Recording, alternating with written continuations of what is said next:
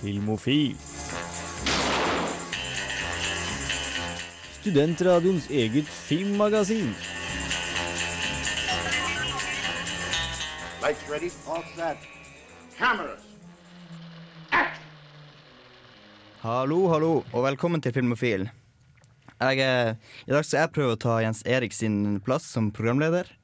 Jeg heter altså Gaute Eliassen, og med meg i studio, som skal ta min plass i dag, har jeg Ole Eivind.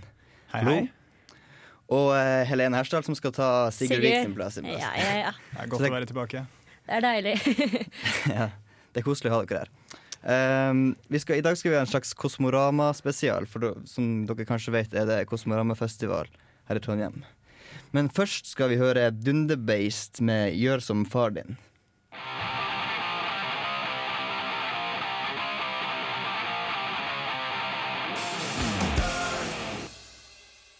There, this is Sal Lizard from Starfleet, the International Star Trek Fan Association, and encouraging you to listen to Filmophile. Og fra én sci-fi-nerd til en annen. Uh, Jens Erik, som i, i dag er å skyte pil og bue i Bodø, hvis jeg ikke tar helt feil, Stemmer det.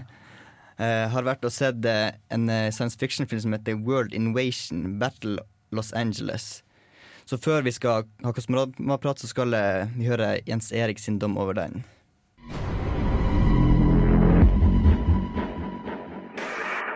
When you invade a place for its resources, you wipe out the indigenous population. Right now, we are being colonized. Science fiction har vært et av Hollywoods storsatsinger de siste par årene. En satsing som har lykkes med varierende hell. Sci-fi-filmene utgitt i det siste kan deles inn i to kategorier. Actionfylte monsterfilmer eller allegorier for samfunnsproblemer. World Invasion Battle Los Angeles faller soleklart inn i første kategori. Two or three meteors just impacted. Oh my god. It appears that there's something like shadowy uh, figures. I think I'm gonna head back now. Everyone needs to get out of here right now. Lucas, if you could just come back, please. Oh my god. Stabssersjant Michael Nance i US Marines har bare et par dager igjen før han inntar pensjonisttilværelsen. Hadde det ikke vært for at vesener fra det ytre rom bestemmer seg for å invadere jorda. Nance får kommandoen over en liten tropp marines som får i oppdrag å frakte sivilister ut av sentrale Los Angeles. Dette skal vise seg å bli langt vanskeligere enn først antatt. How many of you? Five of us, three kids. Have civilians coming out! Can't take them, we got no room. Wait! Kids!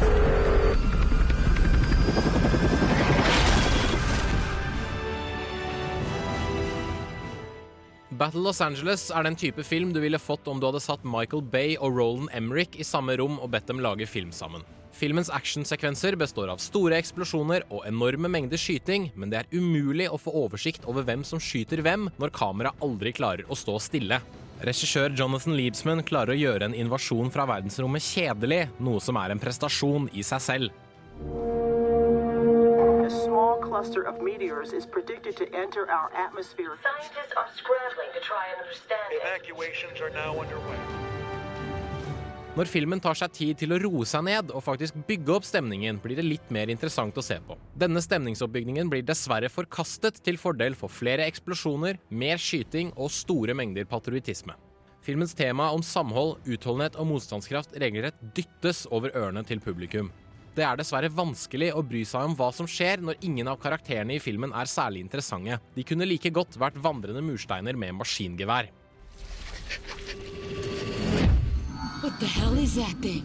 Oh my god. Fall back! Fall back!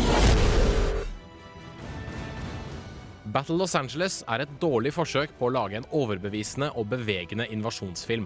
Det svake og regelrett idiotiske plottet er bare en unnskyldning for å flytte en gruppe soldater fra A til B, for så å sprenge diverse ting i luften. Skuespillerne gjør det de kan, men har for lite å jobbe med. Det eneste som redder filmen, er kult design av romvesener og romskip, og godt skuespill fra Aaron Eckhart. Men denne redningen er ikke særlig stor. Terningkast to. Great foul munch. Yes, sir. What up, Pete? Great. Det var Pharaoh Monch med Blackhand Side. Uh, og vi har Kosmorama-spesial her i Filmofil. Så for dem som ikke vet det, Oleivin, hva er Kosmorama-festivalen for noe? Kosmorama er jo da Trondheim internasjonale filmfestival. Eh, Det er altså en filmfestival. Eh, Den varer hele denne uken, fra mandag til søndag. Og der får du sett veldig mye film som du ellers ikke får sett på kino.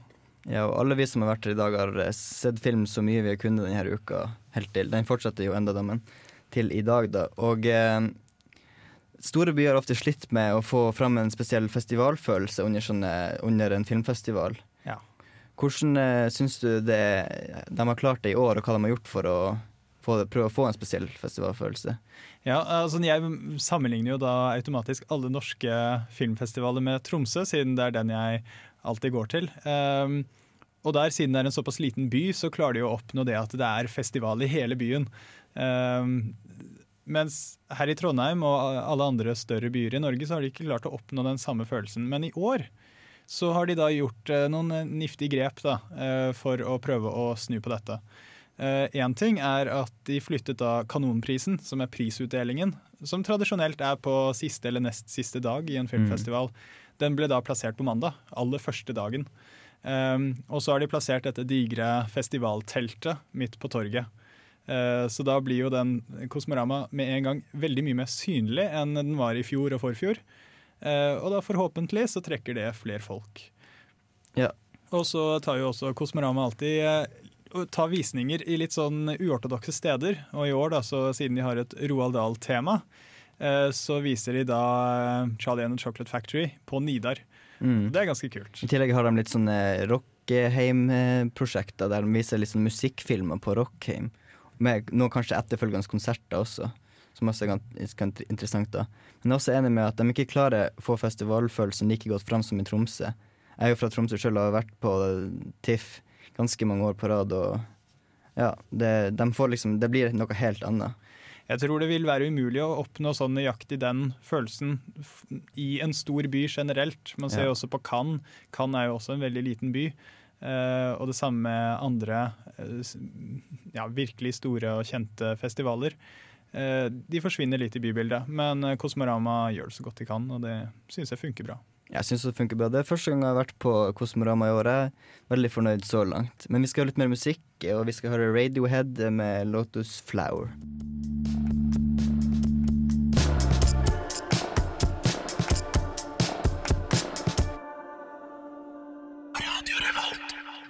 Eh, en av filmene som er vist på eh, Kosmorama, er den fransk-britiske filmen 'Illusjonisten'. Den har Jens Erik har en liten, lydanmeldelse anmeldelse av, men eh, du har også den, Helene? Det har jeg. Eh, og eh, dette er jo regissør Sylvian Chomet, som er skaperen bak trillingene fra Bellwill, som kommer med denne nye animasjonsfilmen. Og som Jens Erik også sier i anmeldelsen sin og etterpå, så syns jeg det var en veldig fin og kul animasjon. Og det er, jo, det er jo nesten ikke noe dialog i filmen. Det eneste de sier, det er 'hallo'. Og det syns jeg er morsomt. Norsk 'hallo'. Eh, men det funka veldig bra, fordi eh, det er så fin eh, animasjon, og det er liksom så fin stemning, og det er godt soundtrack. Og, og så er det en veldig fin historie. Den er veldig vakkert fremstilt. Jeg skal ikke røpe for mye, for det sier Jens Erik etterpå nå i i anmeldelsen sin, men jeg kan jo si at uh, den var nominert til Oscar i 2010. Og det forstår jeg godt. Så jeg syns egentlig vi bare skal høre Jens Erik sin anmeldelse. Jeg kan bare nevne litt fort at jeg skulle også egentlig se 'Illusjonisten', men så klarte jeg å gå i feil, feil kinosal, så det ble en annen film. Men uh, da får vi høre hva Jens Erik har å si. Continuing our evening of magic, the Royal Luxor is proud to present The Illusionist. Animasjon har lenge vært et av mine favorittkunstuttrykk når det kommer til film. I en animasjonsfilm er det kun fantasien som setter grenser for hva man ønsker å se på lerretet. Illusjonisten av Sylvain Chaumet ble vist på Kosmorama i år, og gir meg håp om at det fortsatt er mulig å lage god animasjonsfilm på den gammeldagse måten.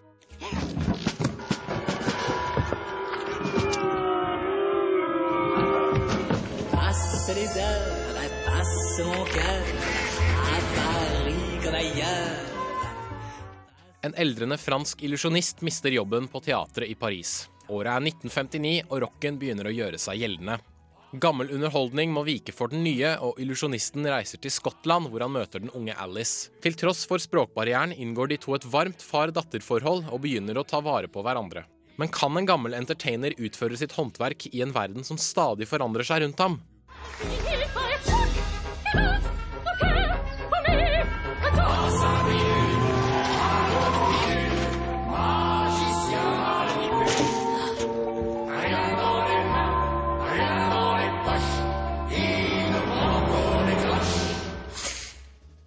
Illusjonisten er Chaumets første film siden 'Trillingene fra Belleville' fra 2003, og bruker den samme håndlagde tegnestilen som forgjengeren. Nok en gang fortelles også historien med minimale mengder dialog, og det er overraskende hvor mye som blir formidlet kun gjennom handlinger, blikk og ansiktsuttrykk. Dette er både en fordel og en ulempe, for filmen krever at du følger godt med, og kan for noen virke litt tung og seig. Men det å ikke måtte følge med på store mengder dialog, lar deg absorbere alle de små detaljene filmens bilder har å by på.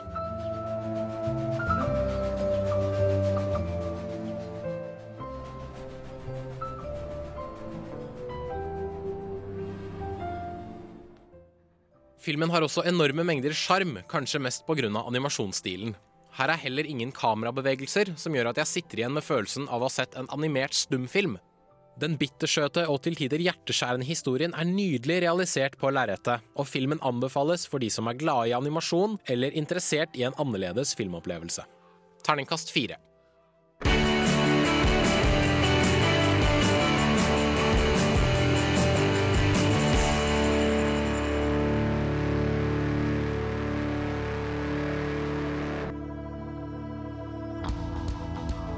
Honningbarna vant årets Urørt-finale, og på torsdag spiller de på Blast sammen med Oslo S. Vi i Radio Revolt deler som vanlig ut billetter, men for å få de må du svare på følgende spørsmål. Hvor i landet er de unge anarkistene i Honningbarna fra? Skriv ditt svar i en elektronisk post til nestenhelg at radiorevolt.no, eller en tekstmelding med kodeord RR til 2030.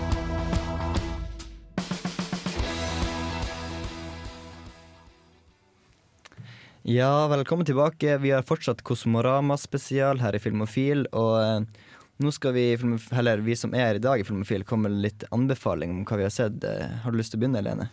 Det kan jeg. Eh, jeg har vært og sett Citizen Ruth av regissør Alexander Payne. For han er jo æresgjest på Kosmorama i år. Så de viser en del av hans filmer, eh, Sideways, som han fikk Oscar for. Eh, men jeg har da sett Citizen Ruth fra 1996, og den syns jeg var eh, veldig kul. Handler om eh, Ruth som sniffer lim, spraymaling, fugespray, egentlig alt hun kommer over av sprayting. Ingen steder å bo, gjør liksom hva som helst for å ikke sove ute. Og så blir hun gravid, da. Hun er stadig ute og inn av fengsel, og, og dommeren eh, i retten inngå en liten sånn avtale at hvis hun går med på å ta abort, så skal hun slippe fengsel. da. Men i fengsel så møter hun en eh, abortmotstandergruppe, religiøs eh, motstandsgruppe, som prøver å overbevise hun om å beholde barnet sitt. Så hun eh, blir med de hjem. Og så etter hvert så møter hun en annen gruppe, da. En, en feminist som gir seg ut for å være abortmotstander, men som egentlig er abortforkjemper. Og så havner hun da midt i, eh, midt i en sånn krig mellom de to her, da, motstander og forkjemper. Og som begge gir seg ut for å liksom ville Roots, uh, Roots det beste, da, men egentlig så bruker de bare henne som et middel til å fremme sin egen sak. Og um, det er en veldig kul og litt uvanlig film. Og den er faktisk basert på en avisartikkel som, uh, som Alexander Payne leste om en dame i India. Og det er Laura Dern som spiller, eh, som spiller rollen som Ruth, og hun syns jeg gjør en fantastisk bra, bra jobb i den rollen. Og hun er liksom helt susete og bare gjør det som faller hun inn. Så det blir veldig morsomt. Og det er spesielt en episode hvor hun ligger i badekaret. Så ligger hun og bare ser hun på tærne sine, og så ligger hun og blinker sånn med øynene. ikke sant? Og da, da får man litt forskjellig bilder på hvert øye. Og det er jo filma, da, så veldig kul eh, kamera, kameravinkling der. Helene viser veldig fint med hendene og øynene hvordan er. ja, så det er en veldig morsom, kul og spesiell film som jeg anbefaler eh, på det sterkeste. Og jeg skal lage en eh, holder på å lage en nettanmeldelse på den, som kommer på radiorevolt.no, så da er det bare å lese den der. Så det, ja. Det var jeg veldig fornøyd med. Det må dere gjøre. Jeg har eh, også sett eh, How About Smith og Sideways, og jeg syns han virker som en veldig bra regissør, han Alexander Payne. Eh, Ole Eivind, har du noe å anbefale? Ja, jeg var og så um, Cave of Forgotten Dreams av Werner Herzog. Han er jo kjent for å ha lagd eh, mange eksperimentelle eh, filmer eh, tidligere, med bl.a. Klaus Kinski. Men de senere årene så har han jo lagd noen fantastiske dokumentarer, og dette her er da også en dokumentar filmet i 3D. Eh, om hulemalerier, de eldste hulemaleriene man har. De er over 30 000 år gamle, ligger i Frankrike. Og det her er den første filmen der jeg har tenkt at denne filmen ville ikke være like god uten 3D. Eh, det var helt fantastisk bruk av 3D. Um, og eh, han forklarer mye godt om eh, disse hulemaleriene. Man møter forskerne som forsker der. Og så vinkler han innimellom litt over på at man lærer mer om forskerne. Um, og nei, bør sjekke ut Cave of Forgotten Dreams, og for så vidt også de eldre Werner Herzog-filmene på DVD. da. Film om hulemaleriet der, altså. Men eh, sjøl kan jeg nevne litt, kanskje ikke de, de beste har skjedd, men litt sånn spesielle filmer. Jeg så en eh, svensk film som heter Sound of Noise. Eh, som jeg som musikkstudent syns er veldig artig. da Men eh, for, for det om man ikke er musikkstudent, så tror jeg nok de fleste kommer til å synes det er en bra film. Det handler om en eh, politimann som er født inn i en kjent musikerfamilie. Men han er tonedøv sjøl, og derfor opparbeider en sånn hatforhold mot, mot musikk. Når en gruppe musikkterrorister herrer rundt i byen ved å bruke musikk, eh, hele byen som er musikkinstrument for å liksom, eh, De har et verk de har skrevet til en, som skal spilles på en by, da, på en måte. Eh, så tar han saken i sine egne hender for å få en stopper på det her. Så det er veldig original og godt gjennomført idé, og som er, filmen er veldig artig og og underholdende. Så, og denne filmen har også Jens Erik skrevet en nettartikkel på hjemmesiden, så gå og sjekk den for å se hva han mener. Så kan jeg til slutt nevne en litt sånn, Hvis du vil ha en litt sånn rar filmopplevelse Denne filmen skulle visstnok være den rareste filmen på festivalen, sa Kosmorama før. Lover godt. Ja. Men det, det, er liksom, det er ganske vanskelig å forklare hva som er så rart. Man må liksom se det for å forstå det. Men eh, temaene blander liksom sex og død, og så ispedd med sånne dyreimiterende danser som kommer med jevne mellomrom. Eh, det, er gans, det er mye artige Det er liksom en tragikomisk film fordi at personene er liksom ikke så smart, og det er litt underutvikla, virker dem som. Men den har, man, mange, ja, den har mange morsomme replikker, da, og anbefales hvis man eh, har lyst til å se noe liksom litt utenom det vanlige. Men eh, nå skal vi høre Action Bronson med Barry Horowitz.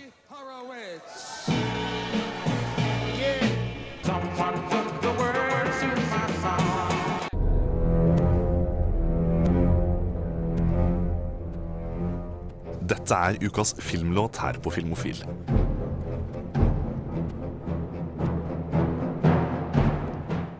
Ja, det er det. Og ukas filmlåt i dag er fra filmen til Danny Boyle, en av de tidlige filmene som heter Trainspotting fra 1993. Med Ewan McGregor i sin eh, første sånn Der han ble internasjonalt kjent, tror jeg, i den rollen. Han spiller en heroinavhengig ungdom fra Skottland, og eh, scenen der eh, sangen vi skal spille fra, er når han nettopp har tatt et skudd som fører til en overdose som gjør at han legges inn på eh, sykehuset. Og eh, sangvalget i scenen er ganske ironisk, men passer likevel godt inn på en rar måte.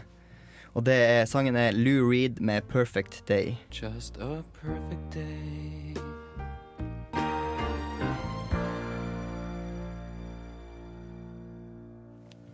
Ja, velkommen tilbake. Eh, nå eh, skal vi Det ganske, har vært en god del asiatiske filmer, og alle vi tre som er her nå, har sett det, i hvert fall én film, asiatisk film hver. Man må jo det. Eh, man må jo det. Eh, Sjøl har jeg sett eh, en film som heter I Saw The Dead, som er fra en sørkoreansk film. Av Kim Ji-woon. Av Kim Ji-woon, som Det- eh, Ole Øyvind sier. Han som har lagd eh, Good, the Bad and the Weird, blant Mm. annet. Ja.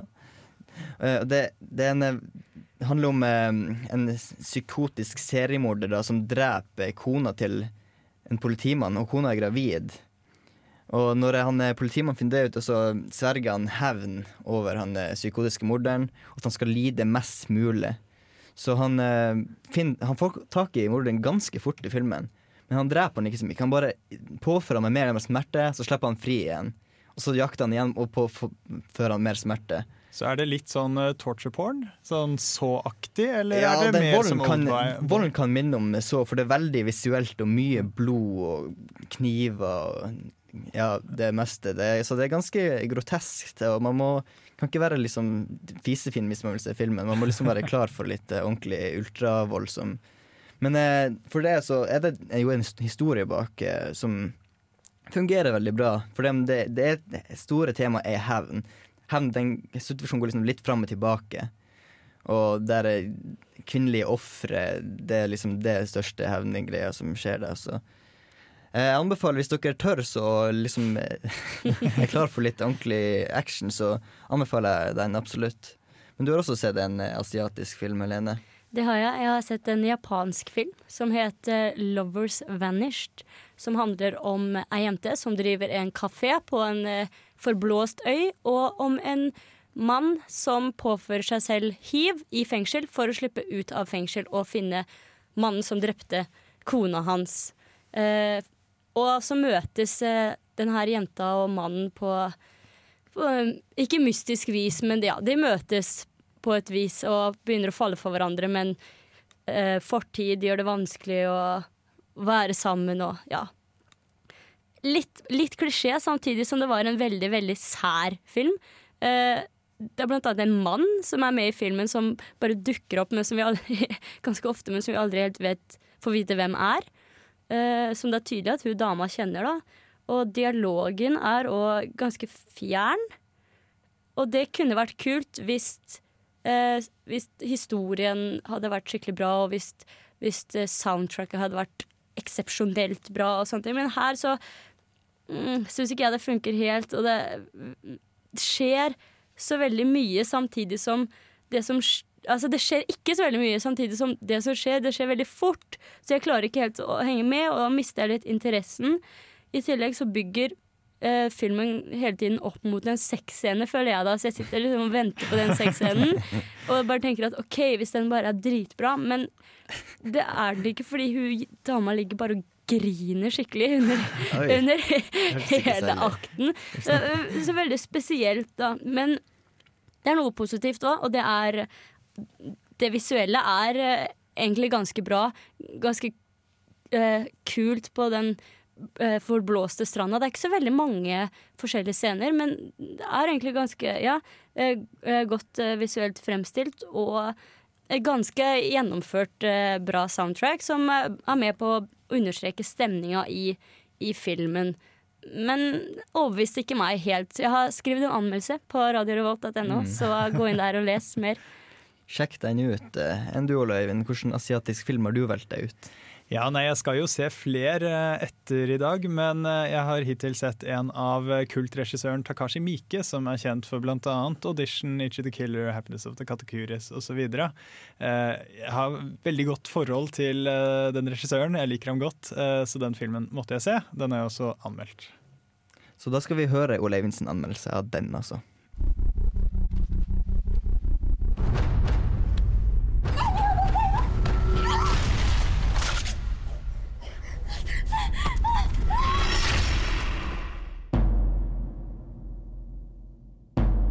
året er 1844.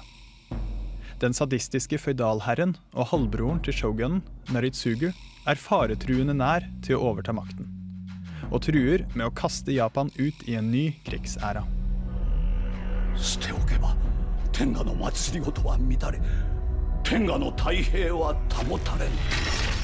Hindret i å gjøre noe selv ber shogunens sjefsoffiser samuraien Shinsaman om å ta livet av Naritsugu. Shinsaman godtar oppdraget, rekrutterer en gjeng samuraier og setter i gang med planleggingen. Det hele fører til en av de råeste sverdkampene på film på lang tid.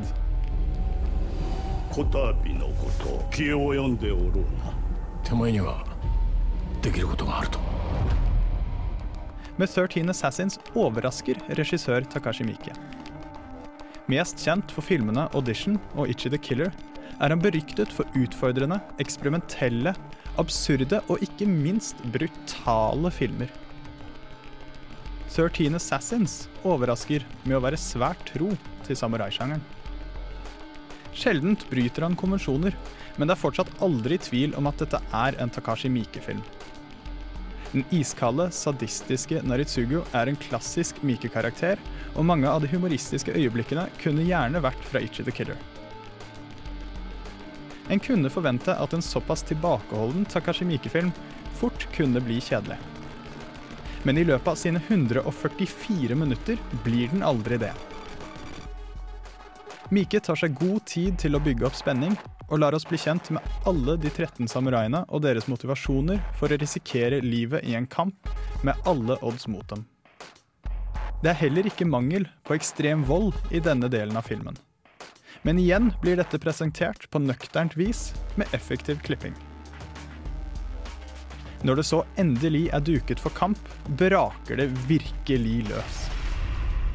13人おのおの方覚悟はよいな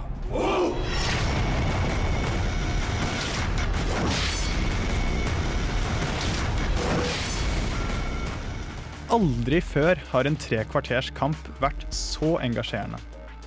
Lengden på kampen virker heller aldri overflødig. Vi får være vitne til alt som skjer, den nøye planlagte strategien, og hvordan de forskjellige karakterene blir preget av massakren som skjer rundt dem. 13 Assassins er en nærmest perfekt gjennomført samuraifilm. Og til tross for å kanskje være Takashi Mikes mest tilgjengelige film, måler den seg absolutt med hans beste. Mitt eneste ankepunkt er at den ikke bringer særlig nytt til sjangeren. Men er det så viktig? Terningkast fem. We lurk late, we strike straight. With intent we sing sin. At the golden shovel.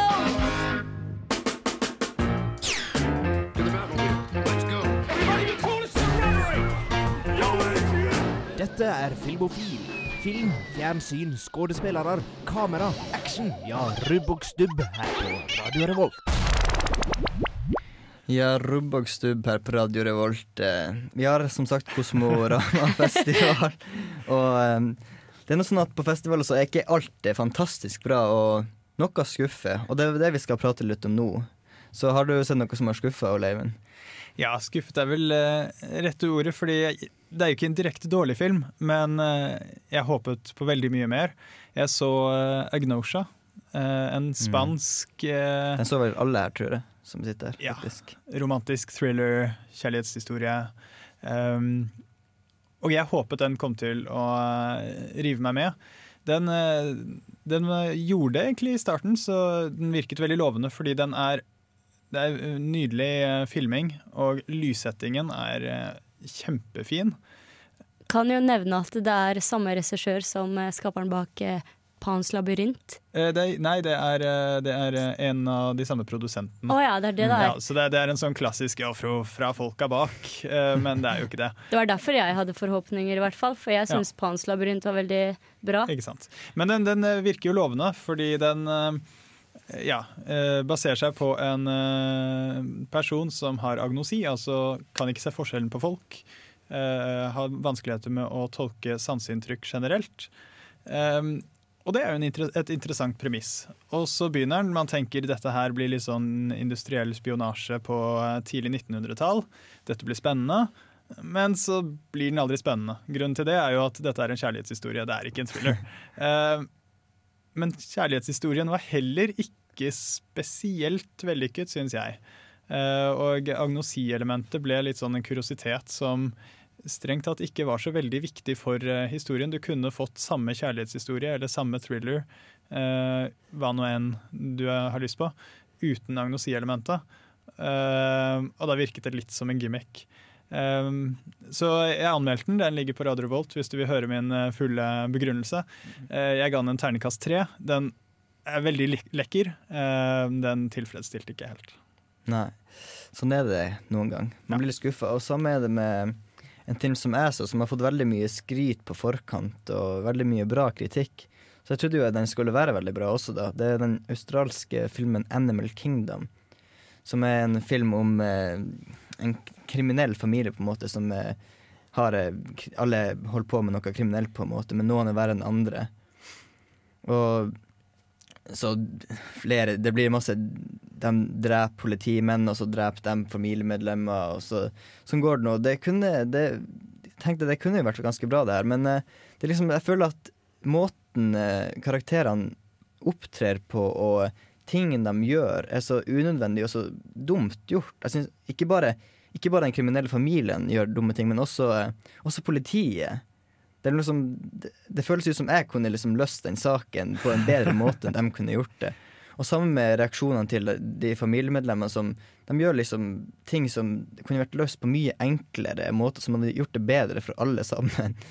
Men eh, de gjør ikke det. og historien, det er ikke, Jeg sier ikke at det er en kjempedårlig film. Det, det, historien fortelles ganske godt, og relativt godt skuespill også, men ikke så bra som jeg leste den skal være. Så jeg ble ganske skuffa, faktisk. Kontroversiell dom fra Gaute, altså. Veldig kontroversiell dom. Det. men eh, Du har skrevet anmeldelse på den, har du ikke? eh, Ikke enda, men jeg kommer til å gjøre det. Så bare hvis dere går inn på siden om litt, så, så kanskje. Men eh, vi skal eh, gå over til sang. Det er Moo med 'Talking in the Street'. I will go to him and I will say, say, say, say.